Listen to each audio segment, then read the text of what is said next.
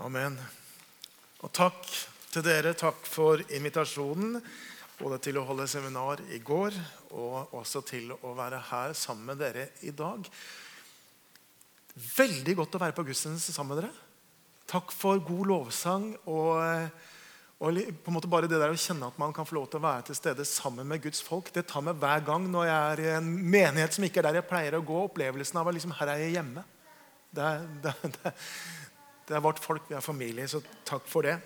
Ehm, eh, jeg skal ikke tale om en, en Israels-tale i dag, eller et Israels tema. Vi snakka litt sammen. Jeg går inn i den taleserien som dere har her for tiden, og som handler om dette 'Hvem er han?' Så det er det jeg ønsker å gjøre. Jeg har vært kristen hele livet. Ehm, og det har Jeg har lyst til å si alltid vært veldig godt å være det. Og så var det sikkert perioder i tenårene hvor man, man, var ikke den mest populære i klassen ved å heise et sånt flagg. Og likevel så hadde alt vært godt. Og helt ifra jeg var ganske liten, fem, seks, syv år, så kan jeg huske veldig sånne tydelige erfaringer med Jesus som jeg har båret med meg helt siden. De har vært dyrebare. Og Det sier også noe om at det som skjer nede på søndagsskolen her nå med barna, det er kjempeviktig. De kan få med seg erfaringer som de bærer med seg som diamanter og gull gjennom hele livet. Eh, og Samtidig så har jeg lyst til å si at noen ganger så er også dette livet litt frustrerende. Kan jeg si det sånn? Noen ganger så kan man begynne å lure. Så Det er det jeg har lyst til å si litt om i dag. og Så håper jeg ikke du går mismodig ut her. Jeg tror ikke det. Men noen ganger så er det jo sånn at når livet er på det vondeste, for det er det noen ganger, så kan det kjennes som om Jesus er milevis unna. Noen ganger når vi desperat trenger å høre fra Jesus Vis meg vei, eller tal til meg. Og så er det bare stille. Taust. Og noen ganger så kan det virke som en blir fullstendig ignorert av Gud nettopp når jeg trenger det mest. Og Da kan det være fristende å stille spørsmålet Bryr du deg ikke? Det er det jeg skal ha som tema i dag. Lørdag 11. januar 2014 så skjedde det en fryktelig ulykke på Bjørkelangen. To unge jenter, Sara på 13 og Tiril på 11, ble kjørt ned og drept da de var på ridetur. Og Jeg husker det fryktelig godt fortsatt. Jeg hadde barn bitte litt eldre, men jeg kjente at jeg kunne relatere til det. Og jeg kjente at det var vondt å lese det den gangen. Saras pappa, Jostein Sandsmark, Ni måneder etter dette så ga han ut en bok hvor han deler sin sorg og sin prosess. 'Pass på liten og på stor' er boken. Og Her er det en åpenhjertig betraktning av den tidligere dagensjournalisten og forlagsredaktøren i Lunde. Han er, han er, ærlig med at han kjemper med å finne ut av troen. Han får det ikke til å gå i hop, og så sier han i denne boken følgende.: Men du, Gud, bare sitter der og ser uinteressert på at ungen min trekkes ned i døden. Og så er det en gripende bok å lese. Hvordan skal vi forholde oss til Gud da? Når dette rammer? Bryr Gud seg da? Og Det er det vi ønsker, eller som jeg ønsker å ta dere med inn i, inn i som et tema inn i denne taleserien 'Hvem er han?' Og Vi skal lese en tekst som er godt kjent. Kan godt hende de har den på søndagsskolen i dag også, for det er en klassisk søndagsskoletekst. Markus 4, 35-41. Og Der står det Vi leser i Jesu navn. Samme dag, da det ble kveld, sa han til dem, la oss sette over til den andre siden av sjøen. De lot folkemengden bli igjen og tok ham med seg båten der han satt. Også andre båter fulgte med. Da kom det en voldsom virvelstorm, og bølgene slo inn i båten så den holdt på å fylles. Jesus lå og så på en pute bak i båten. De vekket ham og sa til ham, 'Mester, bryr du deg ikke om at vi går under?' Da reiste han seg, truet vinden og sa til sjøen, 'Stille, vær rolig.' Vinden la seg, og det ble blikk stille. Så sa han til dem, 'Hvorfor er dere så redde?' Har dere ennå ingen tro? Og de ble grepet av stor frykt og sa til hverandre, Hvem er han? Både vind og sjø adlyder ham. La oss be om at Herren åpenbarer ordet for oss. Himmelske Far, jeg bare takker deg for ditt ord som du har gitt til oss.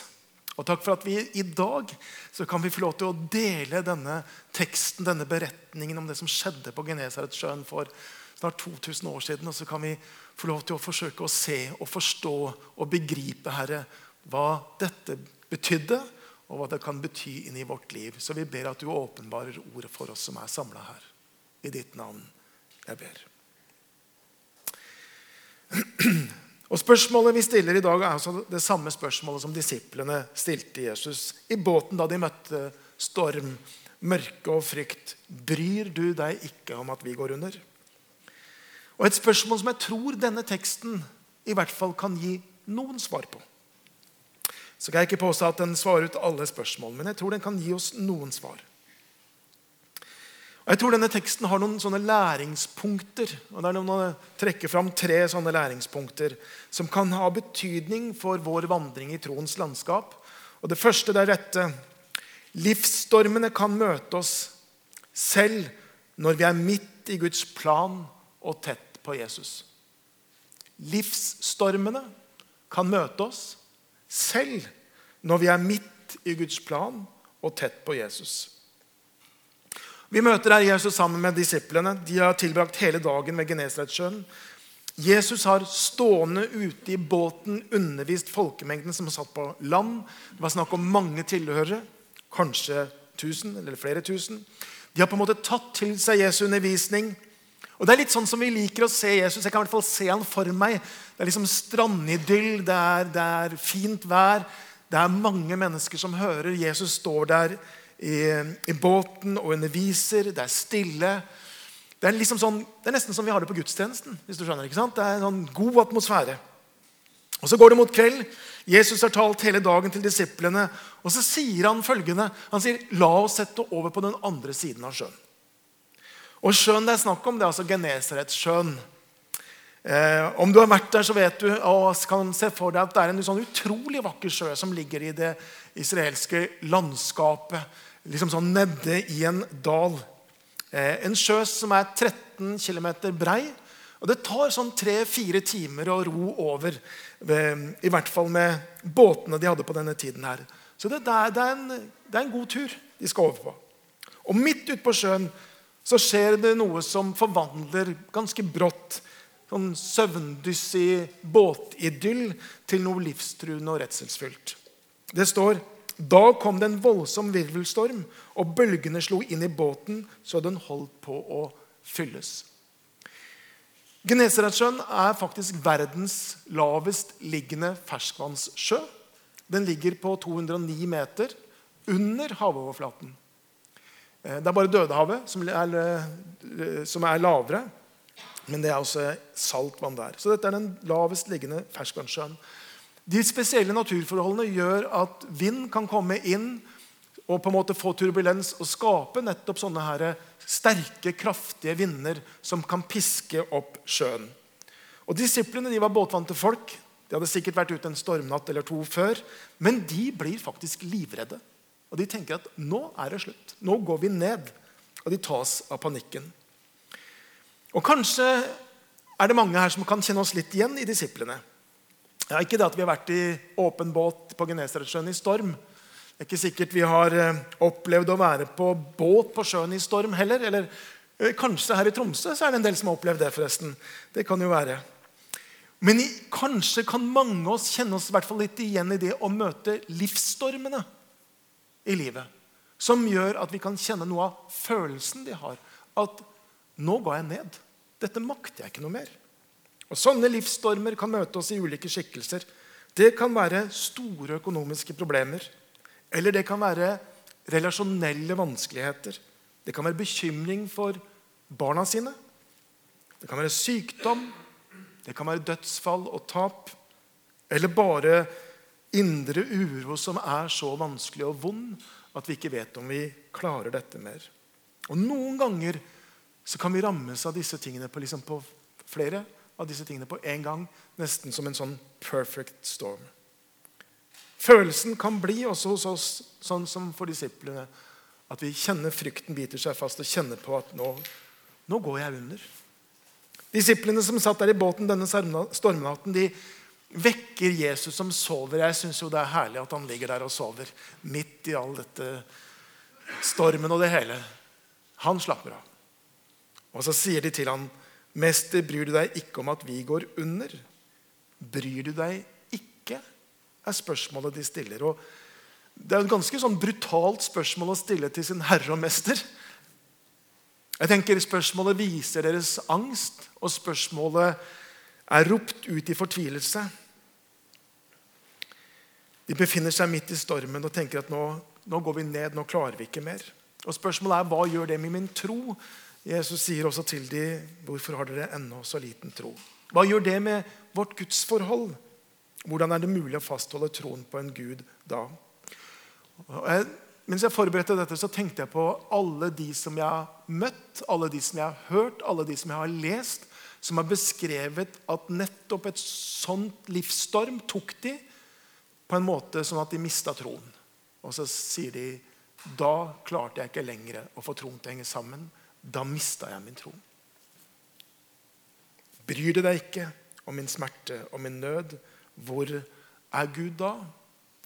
Bryr du deg ikke? Og Kanskje er det noe med det premissene for det spørsmålet som blir litt feil. Du vet, Noen ganger så er premisser bak et spørsmål sånn at det blir et umulig spørsmål. Spørsmålet 'Har du slutta å slå kona nå?' Er jo et sånt spørsmål. Det blir feil om du svarer ja, det blir feil om du svarer nei, fordi at premissene er feil. Og Kanskje er det også litt sånn med dette spørsmålet her. Jeg tror denne teksten viser oss en enormt viktig sannhet. En sannhet som jeg håper skal være noe som kan hjelpe oss å bevare troen når vi møter livsstormene. Og Det er dette at vi så fort tenker i det vi møter noe, så tenker vi ok, er jeg ute av Guds plan nå? Hva er det jeg har gjort som gjør at Gud straffer meg? Hvor er det jeg har gått feil? De tankene kommer veldig lett da. Men jeg tror denne fortellingen viser oss nettopp det motsatte. Disippelen de møtte den livstruende stormen når de var midt i Guds plan med sitt liv. De hadde forlatt alt, og de fulgte Jesus. Og når de var ute på denne sjøen den mørke natta, så var det fordi Jesus eksplisitt hadde bedt dem om å bli med. De hadde ikke gått feil. De var akkurat der Jesus ville at de skulle være. Det var heller ikke sånn at, Jesus, at de hadde gått bort ifra Jesus. Jesus var der, midt i båten sammen med dem. Og likevel så møter de stormen. Gud er kjærlighet, og Gud er allmektig. Og allikevel så møter vi noen ganger livsstormene i livet. Og Det tror jeg det er viktig for oss å forstå at det er et viktig premiss for, det, for vår tro. For noen år siden så hadde vi i Randesund misjonskirke som jeg var pastor i på det tidspunktet, besøk av Egil Svartdal en helg. Og På et av møtene så ble han intervjua, eh, og så forteller han der i dette intervjuet om at han på kort tid på dette tidspunktet, ganske tett på, hadde mista både sin bror, som han sto veldig nær, til kreft, og også mista sin far til kreft. Og Så spør han som intervjuer han, så spør han, men hva skjer da med troen din når du troen på en kjærlig og trofast Gud når du opplever dette. Og så sier Egil veldig sånn avslappa Han sier vet du, jeg tror ikke på lokale regnbyer. For det står at han lar sin sol gå opp over den onde og gode og lar det regne over rettferdige og urettferdige. Med andre ord livet møter oss med smerte og sorg og tap. Sånn er det for oss alle. Det er en del av kåret ved å være menneske. Og så sier han det rokker overhodet ikke med min gudstro. Men tvert imot, Gud er med gjennom det hele. Realiteten er vel heller det at vi som vil følge Jesus gjennom livet, faktisk kan møte noen flere stormer. Og møte noen ting i tillegg til bare det å være menneske. Nettopp fordi at vi går en vei som ikke alle andre går, og vi kjenner både på motstand noen ganger eh, gjennom det. Det er nemlig sånn at Når vi kapper fortøyningene og legger ut på et seilas hvor vi følger hans kall, går den veien som han vil, blir med han over på den andre siden, så kan det hende at vi opplever noen tilleggsstormer gjennom det. Peter han var med i denne båten denne kvelden. og Han sier i sitt første brev følgende Han sier, 'Mine kjære', sier han, 'vær ikke forundret over den ildprøve som dere må gjennom', som det hendte dere noe merkverdig. Noen ganger så møter vi noen sånne stormer eller ildprøver, sånn som, Paul, sånn som Peter sier. Så selv midt i Guds plan og tett med Jesus så kan vi møte livsstormene. Og ta tak i det neste gang du står midt i stormen og du tenker på en måte, Er Gud borte nå? Nei, han er der. Det er det første jeg har lyst til å si. Det andre læringspunktet det er dette. I møte med livsstormene så ser vi tydelig vår egen avmakt, men også Jesu allmakt. I møte med naturkreftene så blir vi mennesker veldig fort avslørt egentlig hvor lite vi kan kontrollere og håndtere. Vi tror, særlig det moderne mennesket, vi tror liksom vi kan nesten styre alt, fikse alt. og Vi har forsikringer, og vi har økonomi, og vi har sikkerhetssystemer, og vi har eh, sparekonti og vi har velferdsordninger. Så tenker vi liksom at vi kan håndtere det meste. Men i møte med naturkreftene, storm, orkan, flom, jordras, så blir vi så små. Og Det har vi sett den siste tiden, hvor, eh, hvor det har vært mange naturkatastrofer i verden. Vi blir stående hjelpeløse. Det fortelles om eh, kong Knut av Danmark. Du vet Han som både styrte Danmark, Norge og England rundt år 1000. Eh, og Han ble nærmest sett på som guddommelig av de omkring. Og Så var det en sånn hoffmann, eller flere av de, noen hoffmenn, som var så smiskende, og som hele, tiden tiltalte han som guddommelig. Og Til slutt så ble han så lei, og så sier han til de Kutt ut med det. Jeg er ikke guddommelig. Og så var det da at de var ute ved sjøen når dette ble sagt, hvor det både bølga og blåste. Og Kong Knut han var ruvende skikkelse. Og så sier han myndig til sjøen, eh, så sier han, og bølgene, 'Bli stille', sier han og ingenting skjedde. Men så var det hans måte å si på. Skjønner dere? Jeg er ikke Gud. Det er bare da Jesus som kan eh, stille stormen. Og Han var en kristen konge, gode kong Knut, så det kan godt hende at det var det han henviste til. Som en litt, sånn liten moderne parallell da, så kan vi jo på en måte trekke fram noe som sto i en nettavis, Axios, for noen år siden. Som også ble plukka opp av, i hvert fall av VG for da var det en artikkel der om at eh, daværende president Trump han ville sprenge bort noen kommende orkaner med atombomber.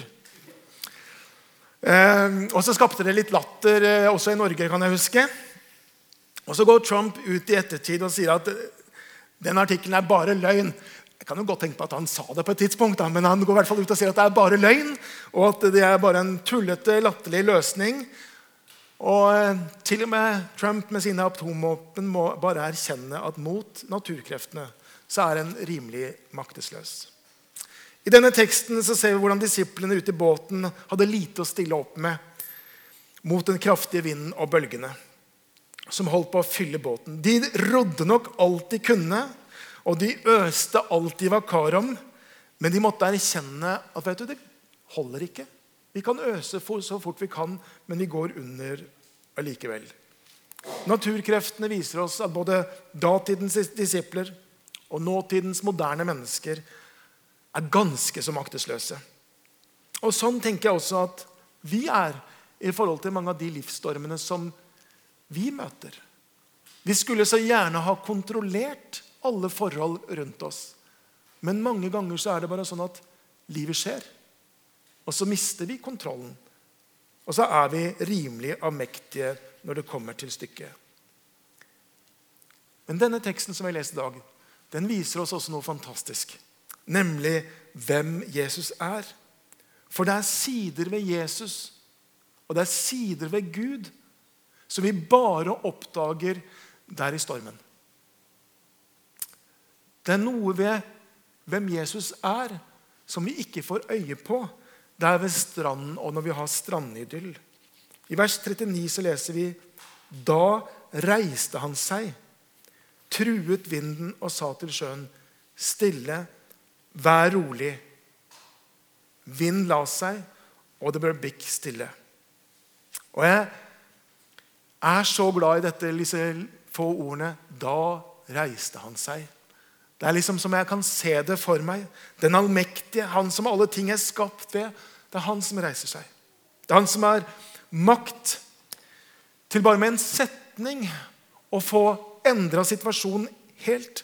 Det Trump ikke kan fikse med alle sine atomvåpen, det fikser Jesus med noen få ord. Og Legg merke til at det står at vinden la seg. Ja, det kunne vært tilfeldig at vinden bare stoppa. Men så står det også at det ble blikk stille. Og bølger det vet dere her, det, de slår ganske lenge de etter at vinden har stoppa. Men alt ble stille på et blunk. Det ble megastille, står det på gresk. Kjempestille eller blikkstille, som det står her. Jesus konfronterer naturkreftene, og når han gjør det, så er det liksom, det er ingen kamp. Det er ikke sånn at han liksom må holde det gående og snakke til vind eller ha noen ritualer eller liksom herje og bråke. ikke sant? Det, det er ikke sånn. Jesus han stiller denne stormen som jeg ser, liksom med begge hendene i bukselomma. Totalt avslappa. Vær stille. Det er som han bruker bare en flik av sin allmakt. Og så viser det oss noe mer av hvem Jesus er. Forskjellen kom ikke ved at disiplene rodde fortere, øste hardere eller et eller annet annet. Men forskjellen kom da Jesus reiste deg, han som er kongenes konge, som er herrenes herre, han som alt er skapt ved, han som er den første og den siste, han som er gitt all makt i himmel og på jord. Når han reiser seg, så endres situasjonen på et blunk, på et øyeblikk. Da stormen raste, så frykta disiplene for sitt liv. De var livredde. Så stiller Jesus stormen, og så tenker vi hvordan blir disiplene da? Hvordan blir deres følelser? Hvordan blir deres reaksjoner når Jesus stiller stormen? Hva hadde du blitt? ikke sant? Du var redd. Det blir blikk stille. En skulle jo tro at de ble glad, at de ble begeistra. Men vet du hva som står? La dere merke til det, vers 41. Og de ble grepet av stor frykt og sa til hverandre, 'Hvem er han?' Både vind og sjø adlyder han. Det er akkurat som de har gått nesten fra vondt til verre. De var livredde da stormen sto på, men i møte med Jesu allmakt så kjenner de på en frykt, en ærefrykt for hvem han er. Det er klart, og det blir klart, at disiplene, uansett hvor lenge de hadde gått sammen med Jesus, på dette tidspunktet, uansett hvor tett de hadde vært på, så hadde de faktisk hatt et for lite bilde av hvem Jesus var. De hadde ikke skjønt denne allmakten som han besitter. De trodde de visste hvem han var. De liksom trodde de hadde skjønt han, hadde han på en formel. Men der, i stormen, i møte med vind og bølger, så sier de, 'Hvem er han?' Både vind og sjø adlyder han. Og Det er det som er interessant her. For det er sider ved Jesus som vi bare ser når Jesus fører oss gjennom en storm eller to. Først da er det sider vi kan oppleve og se. I møtene med livsstormene så ser vi tydelig vår egen avmektighet. Men vi ser også Jesu allmakt. Det er noe av det som vi ser. Ok, Da har vi kommet til det tredje læringspunktet som jeg har lyst til å peke på. Og Kanskje er det litt mer krevende å kommunisere. Men jeg tror denne teksten viser oss også at jeg sier det sånn Vår komfort eller trygghet er faktisk ikke Jesu høyeste prioritet. Heller ikke det at vi unngår smerte eller lidelse eller risiko. Det er noe som han setter høyere enn det. I denne teksten så leser vi hvordan Jesus etter en lang dag på jobb bestemmer seg for å krysse over Genesaretsjøen. Vi leste samme dag da det ble kveld, sa han til dem La oss sette over til den andre siden av sjøen. De lot folkemengden bli igjen og tok med seg ham i båten der han satt. Og Jeg har mange ganger tenkt hvorfor i alle dager gjør Jesus det? Hvorfor i alle dager setter han over på den andre siden? Hvorfor forlater han folkemengden og vekkelsesstemningen og reiser over til den andre siden? Og la meg si at Den andre siden av Genesaretsjøen det var virkelig på den andre siden. Der var det et sånn tistatforbund, Dekapolis, som, hvor det bodde ikke-jøder, hedninger. Og På den andre siden så drev de med svinedrift, bl.a. Griser. Det var ureine dyr for jødene. De ville ikke ha noe med det å gjøre, eller de folkene å gjøre i det hele tatt. Det var virkelig den andre siden. Og egentlig så tenker jeg vel også at kanskje Jesus har egentlig mer enn nok å gjøre på den rette siden da, av Genesaretsjøen, der han var. Her var det sikkert mange behov som kunne vært dekket. Det var sikkert mange å snakke med, det var mange å veilede, kanskje til og med mange å be for. Og Kanskje burde han også brukt tid der til å nettverke og samle seg goodwill, bygd relasjoner. Men Jesus sier, 'La oss sette over på den andre siden'. Disiplene de kunne sikkert ha tenkt seg noe helt annet. De hadde sikkert behov for å slappe av. Det har vært en lang arbeidsdag allerede. Det er ikke sikkert de er så gira på tre-fire timer med å ro over Genesaretsjøen. Og så visste de nok også at en sånn tur var forbundet med risiko. Det jeg er helt sikker på, det er at det er ikke tilfeldig at Jesus gjør dette. Og Når vi leser Det nye testamentet, så ser vi igjen og igjen at Jesus han ikke bare underviser, med det han sier, men han underviser også med det han gjør, med hvor han stopper, med hvem han snakker med. Så er det like med en del av undervisningen Jesus gir. Derfor har denne båtturen en dypere hensikt. Og Vi ser ofte at Jesus bruker nettopp sånne anledninger til å undervise disiplene. Hadde vi lest videre vi stoppa i vers 35, hadde vi lest videre, så hadde vi sett at det som, hva, hva som skjer på den andre siden, det er jo at Jesus når han kommer over, så kommer det mot ham en demonbesatt mann. Og Jesus han løser han ut, setter han fri. Og Så sier Jesus til denne demonbesatte mannen han sier at nå skal du gå hjem. Så, for Han ville være med Jesus om bord. Nei, du skal ikke bli med om bord, men du skal gå hjem til dine, og så skal du fortelle om det du har erfart. Jesus sender egentlig der ut den første hedningmisjonær. Det er første gang at evangeliet bryter på en måte den jødiske konteksten. Det er første gang. Så Han blir den første hedningsmisjonær, og så er det på en måte et frelseshistorisk viktig punkt. Og Det tenker jeg det sier noe. Det var så viktig for Jesus å komme over på den andre siden for å møte denne mannen, for å sette han fri, men også for at evangeliet skulle bryte på en måte nye grenser. Det er noe av det som skjer etterpå. Jesus kunne har jo valgt annerledes. Han kunne tatt inn hos noen venner og spist et godt måltid, lagt seg til å sove. Det var det sikkert det sånn menneskelig sett han lengta etter. Men det var noe annet han måtte gjøre. Han kunne ikke la denne mannen seile sin egen sjø. Han kunne heller ikke la verden seile sin egen sjø. Og det var viktigere for Jesus enn komfort, trygghet og sikkerhet. Og Det tenker jeg, det er det bibelske vitnesbyrdet vi har. At Jesus hele tiden prioriterte nettopp oppdraget sitt framfor trygghet, komfort osv. Når Jesus kjemper i Getsemanehagen timer før korsfestelsen Han vet hva som ligger foran. Han ber, han svetter, og så sier han, 'Far, om du vil, så, la dette begre, så ta dette begeret fra meg.' 'Men la ikke min vilje skje, men din.' Han visste, han kjempa med det han skulle inn i, og allikevel så er det dette oppdraget, din vilje, det er viktigere. Han visste om den lidelsen som han kom til å møte han, om torturen, om slagene, om korsfestelsen. Men han visste også at det er nødvendig for vår frelse. Han døde for at vi skulle få liv. Han ble fattig for at vi skulle bli rike. Og I Hebrevet så står det sånn For å få den glede han hadde i vente, holdt han ut på korset uten å bry seg om skammen. Gleden han hadde i vente, hva var det? Jo, det å få møte deg i himmelen. Oss i himmelen. At vi kunne ha fellesskap med Gud og med Han. Og det var viktigere for Jesus enn å unngå lidelsen. Det var å bringe frelse til menneskene.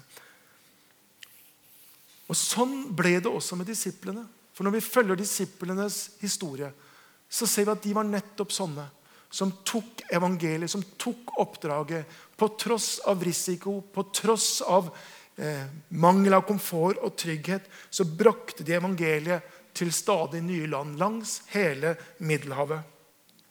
Paulus, som kom til seinere, kan vi lese om hvordan han trosset farer og lidelse. Hvorfor? Jo, for at evangeliet kunne nå til enda flere. For å vinne så mange som mulig, som han selv uttrykker det. I denne teksten så er båten sentral. Og båten er i Bibelen og i kristen tradisjon ofte vært et symbol, et bilde på kirken. Hadde vi vært i en eh, kirke i Den norske kirke, så hadde vi liksom kalt dette for kirkeskipet. det dere sitter i, ikke sant? Og Det henger ofte bilde av skute, eller en modell av en skute i kirker. Så vi er i denne båten. Vi er om bord her. Og vi har hatt strandidyll, tenker jeg. Vi har hatt gudstjeneste. Vi har hørt Jesu ord. Vi har fått lov til å sitte ved hans føtter. Vi har fått lov til å bli gjort til disipler. En menighet sånn som denne har mange viktige oppgaver. Men jeg tenker det viktigste vi er, det er at vi er utsendt. Det handler ikke om ikke vår komfort, men vi er utsendt sånn som Faderen har sendt meg. Sender jeg dere? Å være menighet handler selvfølgelig mye om trivsel, om kos, om kaffe. Veldig mye kaffe. Men poenget er at vi er ikke en menighet for vår egen skyld. Eller for det. Men vi er en menighet som også har fått et oppdrag. Og det er viktigere enn egen komfort, egen trygghet og det å ikke ta risiko. Det at vi må over på den andre siden. Det er noen som trenger å høre evangeliet. I Misjonskirken så har vi formulert denne identiteten og oppdraget sånn. Guds barns enhet og menneskers frelse. Det er mange av dere som kjenner. Så har kanskje dere en egen variasjon av det, men det er det det handler om. Guds barns enhet handler om fellesskapet. Det er viktig. Men det andre det er oppdraget. Menneskers frelse. Og Noen ganger så betyr det å sette over på den andre siden helt konkret at vi begir oss inn i noe som er risikofylt. Det kan det bety. At noen reiser ut. Andre ganger så handler jo det om å ta på seg en tjeneste i kirken. Sånn at f.eks. barna kan lære, at barna kan høre. Og så vet vi at det handler litt om at ja, vi må gi avkall på, kanskje på vår egen komfort eller vår egen fritid. eller et eller annet.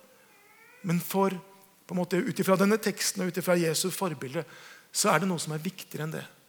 Og det er at barn får lov til å erfare hvem Jesus er. At ungdom får lov til å erfare hvem Jesus er.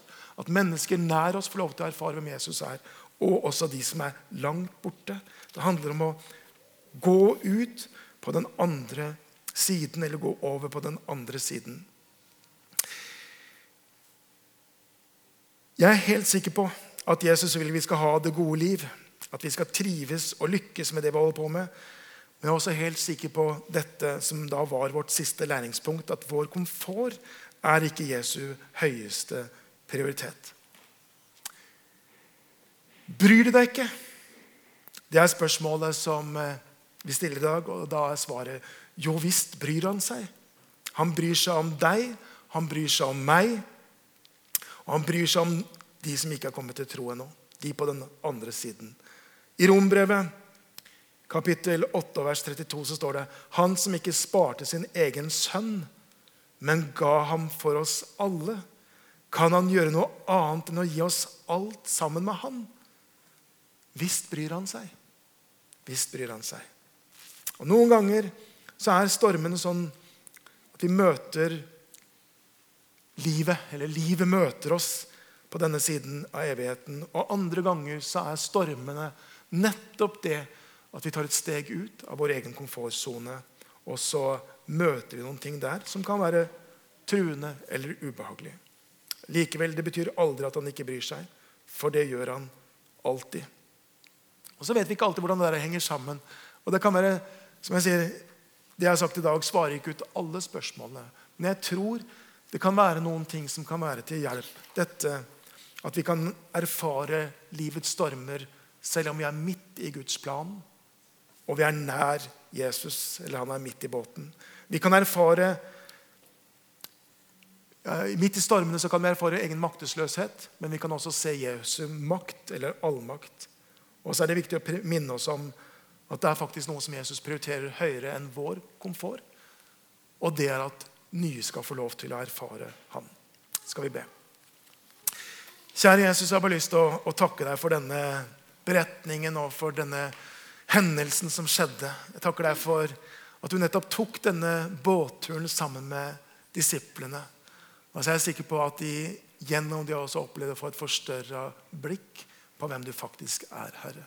Jeg ber at du må gi oss noe av den opplevelsen, at vi kan se tydeligere hvem du er, Herre. At vi kan få lov til å mer og mer og mer erkjenne hvem du er, og lære deg å kjenne.